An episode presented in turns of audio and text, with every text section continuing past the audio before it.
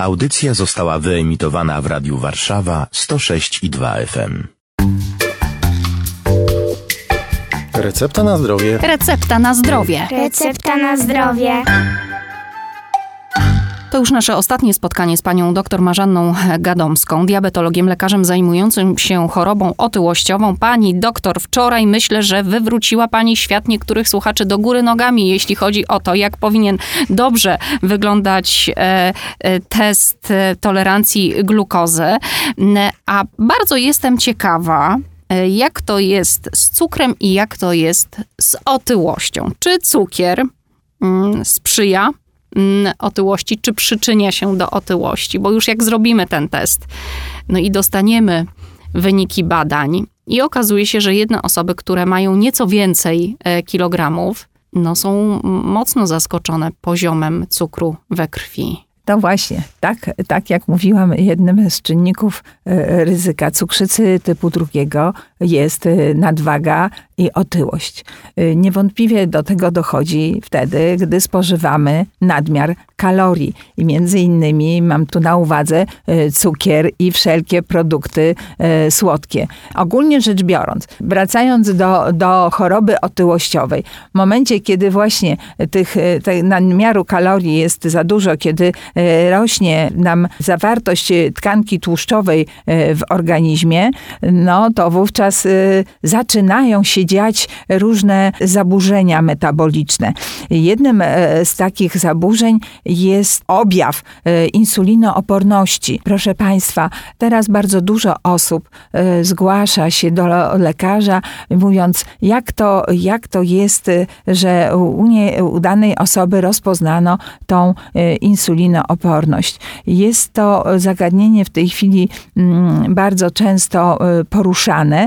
Ta insulinooporność jest wynikiem e, nadmiaru tkanki, tak jak powiedziałam, tkanki tłuszczowej. Tkanka tłuszczowa e, broni się przed dalszym gromadzeniem tych e, produktów energetycznych. Nie, insulina przestaje e, dobrze działać. Skutkiem tego wszystkiego najpierw mamy insulinooporność, która dotyczy tkanki tłuszczowej. Gromadzi się nadmiar trójglicerydów we krwi. Następnie, proszę Państwa, e, odmawiają współpracy tkanka mięśniowa. I to jest też często tak, że jeżeli nie zrobimy testu tolerancji glukozy, to nie wiemy, że nasz cukier po posiłkach już jest powyżej normy i należałoby wtedy zrobić właśnie badanie testu tolerancji. Jeżeli dochodzi do insulinooporności y, wątroby, tam gdzie również to, to działanie jest zależne, wchodzenie glukozy do komórek jest zależne od insuliny, y, dochodzi do tego, że ta glukoza z wątroby przepływa do, do krwi. Y, Normalnie prawidłowo działająca insulina powoduje, że jest zahamowanie wydzielania glukozy z wątroby i cukier nadczo jest prawidłowy. A jeżeli te mechanizmy zostają zaburzone, no to wtedy właśnie się dzieje, że zaczyna cukier być powyżej normy we krwi nadczo. Pani doktor, ale czy insulinooporność to jest kwestia wieku albo płci? Insulinooporność nie ma e, e, związku ani z wiekiem, ani z płcią. Wynika ona przede wszystkim z właśnie tej nieprawidłowego odżywiania się, tej y, wzrastającej masy ciała, kiedy dochodzi do, do nadwagi, dochodzi do otyłości. Oczywiście są przypadki również insulinooporności, które występują u ludzi y, szczupłych, młodych, szczupłych. Y, Cza- Czasami może być to podłoże genetyczne i wtedy jest to w inny sposób, no, można powiedzieć, że nawet dziedziczone. Dalszą konsekwencją insulinooporności jest właśnie powstawanie zaburzeń tej gospodarki cukrowej stanu przedcukrzycowego. To, co mówiliśmy już wcześniej, Tak, że wzrasta ten poziom y, cukru we krwi nadczo. Jeżeli nadczo, no to właśnie jest to wskazanie do zrobienia tego, y, tego testu.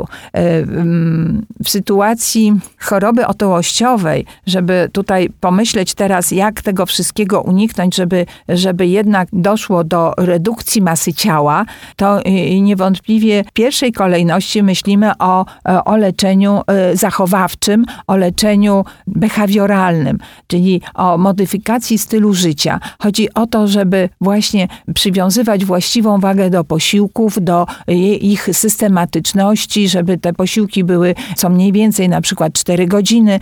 Y, Ważną rzeczą jest też pamiętanie o piciu, jak już mówiłam na wcześniejszych, we wcześniejszych naszych spotkaniach.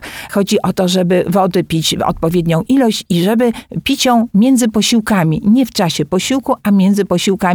Pacjenci z chorobą otyłościową dobrze by było, żeby na przykład e, wypili szklankę lub nawet dwie szklanki wody przed samym posiłkiem. To też e, będzie im łatwiej zakończyć ten posiłek nieco, e, nieco wcześniej. Czyli właściwe odżywianie i, właści- i aktywność fizyczna, o której też mówiliśmy. Proszę Państwa, sama modyfikacja stylu życia z właściwym ży- odżywianiem się i z właściwą aktywnością fizyczną niestety nie wystarcza. Jest to, mówi się, że średnio według e, obliczeń statystycznych w badaniach od e, 3 do 5% ubytku masy ciała może nastąpić. E, W dalszej kolejności, mniej więcej tak po trzech miesiącach takiego postępowania, jeżeli nie mamy e, właściwych rezultatów, należy mm, przyjąć, le- na- na- należy pomyśleć o leczeniu farmakologicznym, o zastosowaniu leków. I tutaj bardzo nam przyszło z pomocą leki z grupy, które są hormonami jelitowymi. Takim y, lekiem jest analog y, GLP-1. Nazwa bardzo y, taka tajemnicza dla Państwa może e, jest to, ale jest to właśnie hormon, którego w chorobie otyłościowej brakuje, zaczyna brakować. Ale pani doktor, to co istotne i to co chciałabym, aby wybrzmiało w tym tygodniu, nie róbmy tego na własną rękę. Od tego mamy ekspertów, od tego mamy specjalistów. Nawet jeżeli ktoś z państwa decyduje się na jakąś dietę, to przede wszystkim, przede wszystkim my na początku zróbmy badania i zobaczmy, czego w naszym organizmie jest na przykład za dużo, a czego jest za mało. Ja bardzo dziękuję za ten tydzień, za wszystkie porady. Pani doktor Marzanna Gadomska, diabetolog, lekarz zajmujący się chorobą otyłościową, była ekspertem w tym tygodniu. Wszystkiego dobrego pani doktor i mam nadzieję do usłyszenia, do zobaczenia. Dziękuję bardzo. Dziękuję. Do widzenia.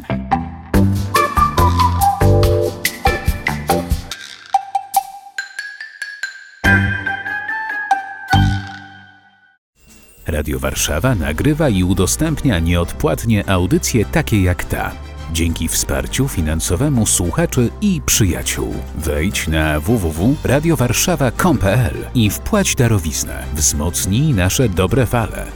Dziękujemy.